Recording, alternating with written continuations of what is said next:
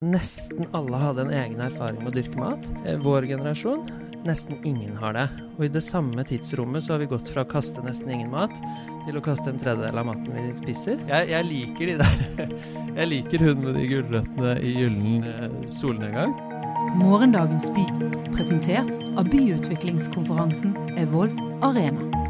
Andreas Kapion, du er daglig leder i noe som heter Ureist. Og vi har hørt om kortreist. Eh, Langreist har vi ikke lyst til å snakke om. Det er jo ting som forurenser for mye. Men det handler rett og slett om eh, urbant landbruk. Det å dyrke mat i byen, eller i hvert fall der folk bor, da. Eh, Det høres veldig sånn romantisk ut, men det, det, altså, jeg tenker lite jord og mye folk. Kan, liksom, kan vi få en effekt av det som, som betyr noe? Ja, det kan man, og det får vi eh, allerede en effekt av. Og så kan man eh, snakke om forskjellige effekter. Eh, og noen som jobber med dette med urbant landbruk, de trekker jo historiske linker tilbake til liksom Victory Gardens eh, under krigen, Mm. hvor Woodrow Wilson eh, snakket om at 'food will win the war', og, og man fikk i gang fem millioner eh, små hager i byene Mm. og faktisk dyrket halvparten av eh, alt man spiste av frukt og grønt eh, under krigen i byene. Så du sier at nød har på en måte vist at dette her eh, kan la seg gjøre? Det kan la seg gjøre. Det er mye plass i en by, og man kan dyrke veldig effektivt der. Så noen legger vekt på den produksjonen og mulighetsrommet for å faktisk å produsere mye mat. Eh, og så er det jo litt forskjell på Woodrow Wilson og Erna Solberg. Og det er forskjell på fred og krig. Og det er Hvis vi skal stikke fingeren litt i jorda, som jeg jo liker å gjøre som gartner, eh, så, så skal vi være litt ærlige og si at det er ikke det store volumet eh, i form av dyrking eh, som foregår ennå. Selv om eh, det å dyrke byen har kommet veldig mange steder og i stadig større volum, så tror jeg og Ureist at det viktigste med urbant landbruk nå er, eh, er rett og slett det å skape eh, et, en arena hvor produsent og konsument av mat kan komme litt nærmere hverandre. Ja, for dette, Der nevner du noe stikkord, tror jeg. Fordi at en ting er som Man ser alle for seg sin egen blomsterkasse, og her kan jeg ha noen urter, og som det er veldig sånn småskala. Men det du sier nå, fordrer jo at det er noen store aktører inne og faktisk driver dette kommersielt, på et vis. Ja, det er en, en del av det som skjer. Og, og mange beveger seg i den retningen mot rett og slett storskalaproduksjon nærmere konsument. Eh, men allerede i det du og jeg og, og alle de som dyrker i byen, eh, eh, dyrker sin egen mat og får egne erfaringer, så, så har man brakt konsument og produsent nærmere hverandre. Fordi hvis du tenker deg, folk har flyttet fra landet inn i byene. Eh, landbruket har blitt mer og mer spesialisert, sånn at eh, vi veit ikke lenger hva som skjer om hvordan når maten vår eh, blir produsert. ikke sant? Vi, Ja, men Eh, kan du synes det er skummelt å ta opp en gulrot selv, og riste den jorda og spise den? liksom? Det virker litt unaturlig. litt unaturlig er det, og man har ikke peiling på alt som går inn i det. ikke sant? Ja, ikke sant? Eh, Bestemorgenerasjonen vår, der var det nesten alle hadde en egen erfaring med å dyrke mat. Mm. Eh, Vår generasjon, nesten ingen har det. Og i det samme tidsrommet så har vi gått fra å kaste nesten ingen mat til å kaste en tredjedel av maten vi spiser. Mm. Og vi har fått en så utrolig distanse til maten vår, hvor den kommer fra, og alt som går med til å produsere den. Og det tenker jeg at det er en viktig bidragsyter til at vi liksom har mistet også respekten for maten, Mm. og respekten for de som dyrker den. Sånn at den nærheten man får når man har sådd et tomatfrø som skal sås på denne tiden, og, og brakt den planta fram eh, med kjærlighet og med omtanke og med vanning på sommeren og ikke dra på ferie og, og alt det der, eh, det, det gir deg en helt annen innsikt, og en empati med maten og en respekt. Da. Og den kapresen, den smaker bedre enn den du har kjøpt. Og opplevelsen er så god, og, og altså, du kaster ikke en, en litt sånn der halvovermoden tomat hvis du veit hvor mye som går inn i den. Hvis du har jobba et halvt år med å få den fram, og ikke vært på ferie. Nei, den, ja, den, den, den ser jeg. Men allikevel, uh, for å pirke litt mer i altså Hvis det skal monne da, Mm. i et samfunn som vårt, både på matsvinn og på eh, utslipp vedrørende transport og produksjon og sånne ting, så må jo ganske mange gjøre det. Det er helt sant. Komme, altså man, vi kan godt snakke om, altså Det er mange som snakker om trender om at det å komme i nye klær, at en ny Canada Goose-jakke, kommer til å bli så dønn ut at du viser, vil ikke bli sett dau inn, liksom. Mm. Det kan skje. Mm. Kan det skje tilsvarende ting på matfronten måte, Ja, det, det skjer jo allerede i visse miljøer, og så er det bare snakk om hvor store de miljøene skal jo, være. men da blir du veldig fort flau hvis du ikke tåler det allerede nå. det er veldig sant.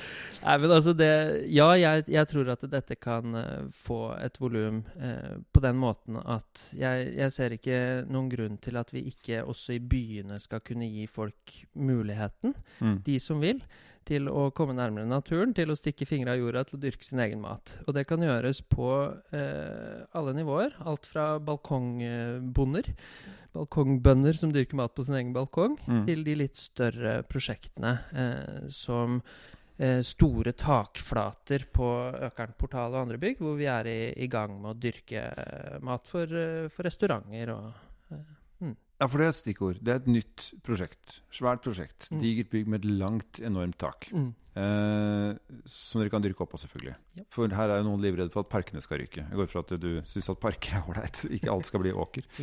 Eh, men hvordan er interessen fra, fra de som prosjekterer, bygger ut, planleggerne da, av nye urbane områder?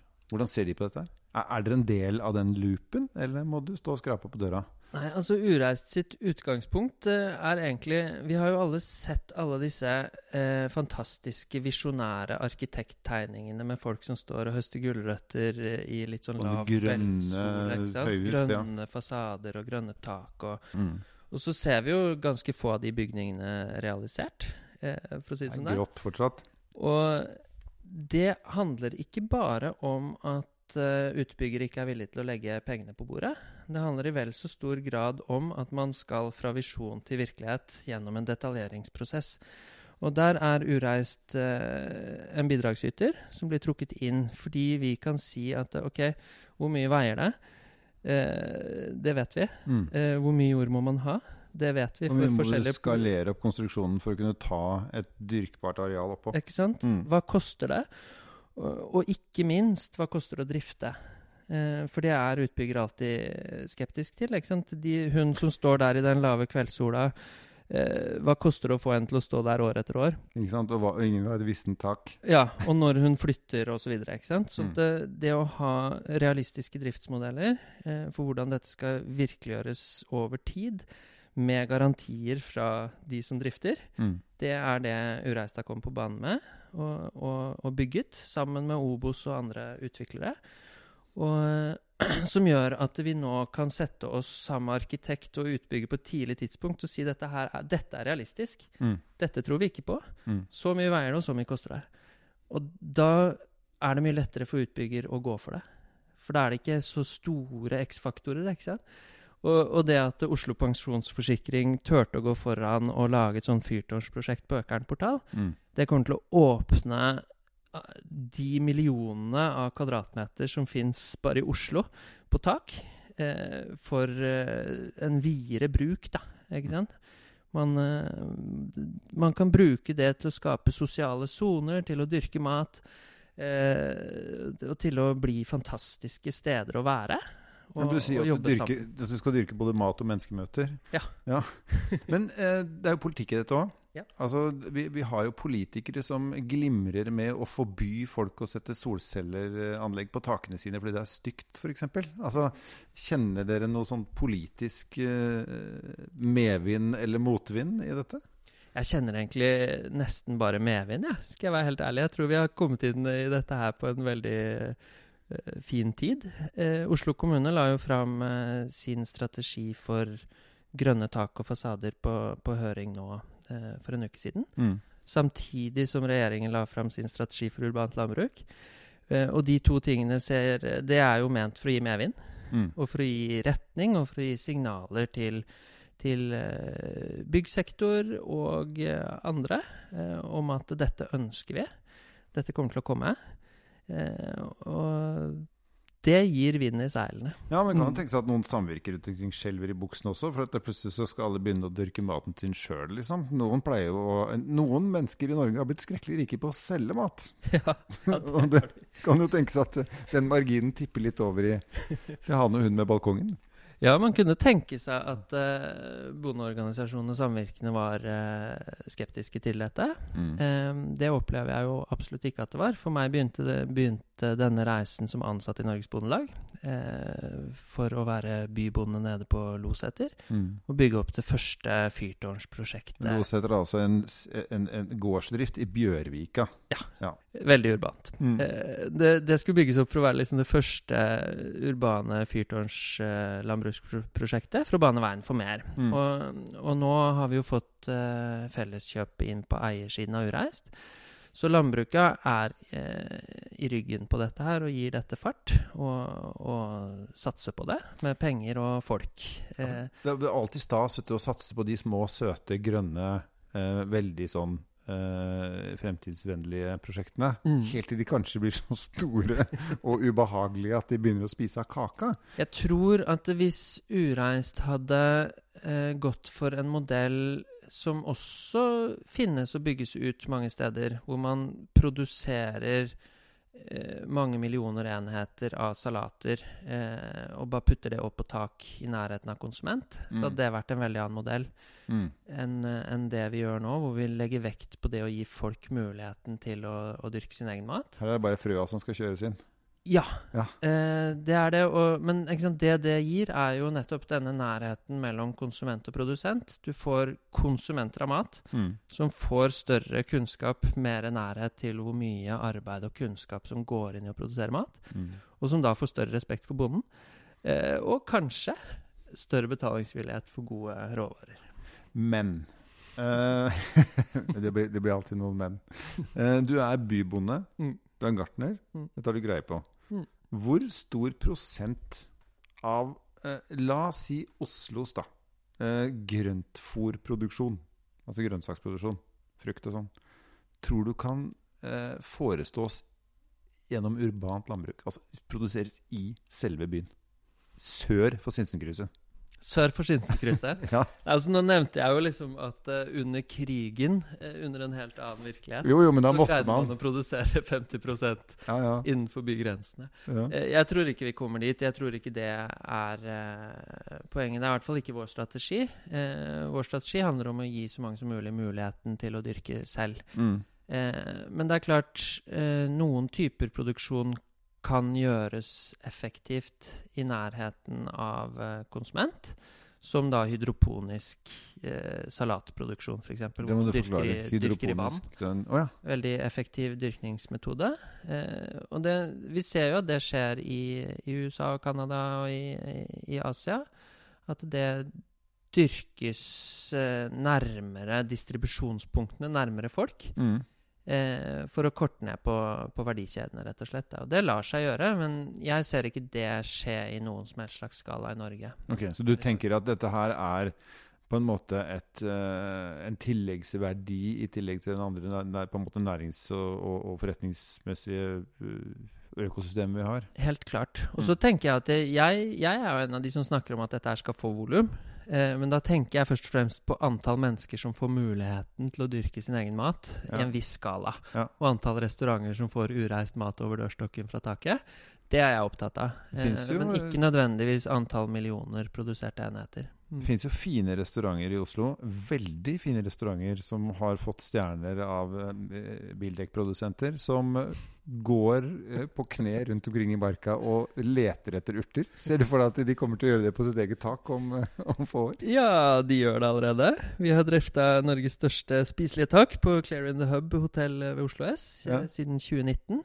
Hvor vi leverer til eh, restauranter og barer på, på det bygget. da. Så Mm. det, det er allerede i ferd med å skje. Mm. Når du ser for deg tak som er dyrket, ser du for deg at eh, de skal brukes av folk som kan gå tur etter landskapet også? Eller har du sånn ren sånn eh, endelig et jorde ingen skal tråkke på-holdning til? Nei, hele poenget er jo å legge til rette for gode rom å være i. ikke sant? Sånn at eh, Delvis, så ja, så utformer vi Når vi snakker om at eh, Økern portal er eh, Nord-Europas største spiselige tak, Mm. med 5000 kvadratmeter, Mm. så er delvis noe av det er et jorde. Med, med liksom rader av salater og, og sånt noe. Men veldig mye er egentlig en spiselig skog. Så en park som ser ut som en vanlig park for det utrente øyet. men hvor eh, lønnetreet er bytta ut med et epletre. Mm. Hvor eh, eh, pegoniaen er bytta ut med solbærbusker osv. Så sånn at det, det, den spiselige parken skal se ut og kunne fungere som en vanlig park. Og brukes som en vanlig park Mm. eh, for de som vil det. Men så vet vi da at når vi inviterer folk til å være med på å drifte og høste fra en sånn park, så er det voldsomt engasjement og interesse rundt det. Sånn at da de som vil, de kan bruke den parken som en matauk Mm. og som noe helt annet. Sammen med de som skal spille badminton og ligge og sole seg. Så du leverer rett og slett en verdi tilbake til de som gidder å holde dette ved like? Ikke sant? Og da kan, vi, da kan vi trekke inn de som ønsker å være med og Mm. lære og være med og høste. De kan vi trekke inn eh, gjennom eh, f.eks. en driftsmodell som vi kaller samdyrkelag, hvor vi da selger det å få lov å være med og lære og dyrke og høste til privatpersoner. Da får vi en inntekt som gjør at vi kan ansette en gartner. Eh, og så da dekker det merkostnaden det er å dyrke mat, eh, spiselige vekster, i forhold til et vanlig parkanlegg. Sånn så for utbygger og for et borettslag eller for de som er i parken, så skal det være kostnadsnøytralt. Så merkostnadene dekkes via salg enten av grønnsaker til restaurant eller av andeler til de som er med da, i et samdyrkelag. Hvis vi kikker litt fremover i tid at, ok, Nå tar vi et bilde av et flyfoto av Oslo til sommeren. Mm. Eh, eller Bergen eller Trondheim. Og så av alle takene ovenfra. Så er det noen få tak som er grønne nå. Eh, hvor mange flere tak, altså ikke antall, men sånn i prosent, tror du kommer til å være om f.eks. ti år? Eller er det for kort tid? Mm, Nei, altså den, den prosenten Vi kan snakke om den på to måter. Mm. Eh, den ene er at eh, 99 av alle nye tak kommer til å være grønne. Ok, Så det, det å stilles bli som et krav. Ja. Skal du få lov å bygge nå i de store byene, så, så, så bygger du ikke uten et grønt tak. Du må bygge med grønt tak fordi det hindrer Altså det fordrøyer regnvannet, sånn at du får mindre flomhendelser. mm, mm. Det, er derfor, det er derfor Oslo kommune har gått ut med en strategi for grønne tak og fasader. Eh, fordi det lønner seg for byen. Da blir noe av vannet konsumert av plantelivet oppå taket før det kommer ned i gata. Det rett og slett er som en Mm. svamp Mm. som fordrøyer det. Så uansett når man bygger nytt, så er man nødt til å, å forholde seg til å fordrøye vann. Og da er det ofte det billigste å lage grønne tak. Og når man først skal gjøre det, hvorfor ikke da åpne de sonene for mennesker, for dyrking av mat, og alt det andre fantastiske som skjer når vi, når vi åpner for urbant landbruk i byene. Din drømmevisjon. Den Ja. handler om alle disse grønne takene her, men også de menneskene. Da. Jeg, jeg liker de der Jeg liker hun med de gulrøttene i gyllen eh, solnedgang. Eh, og, og vi ser jo allerede at de er det flere og flere av. Og, og vi, jeg tror at de kommer til å være på, på nesten alle tak ja, om en del år. Du har lyttet til podkasten Morgendagens by. For mer informasjon, sjekk evolvarena.com.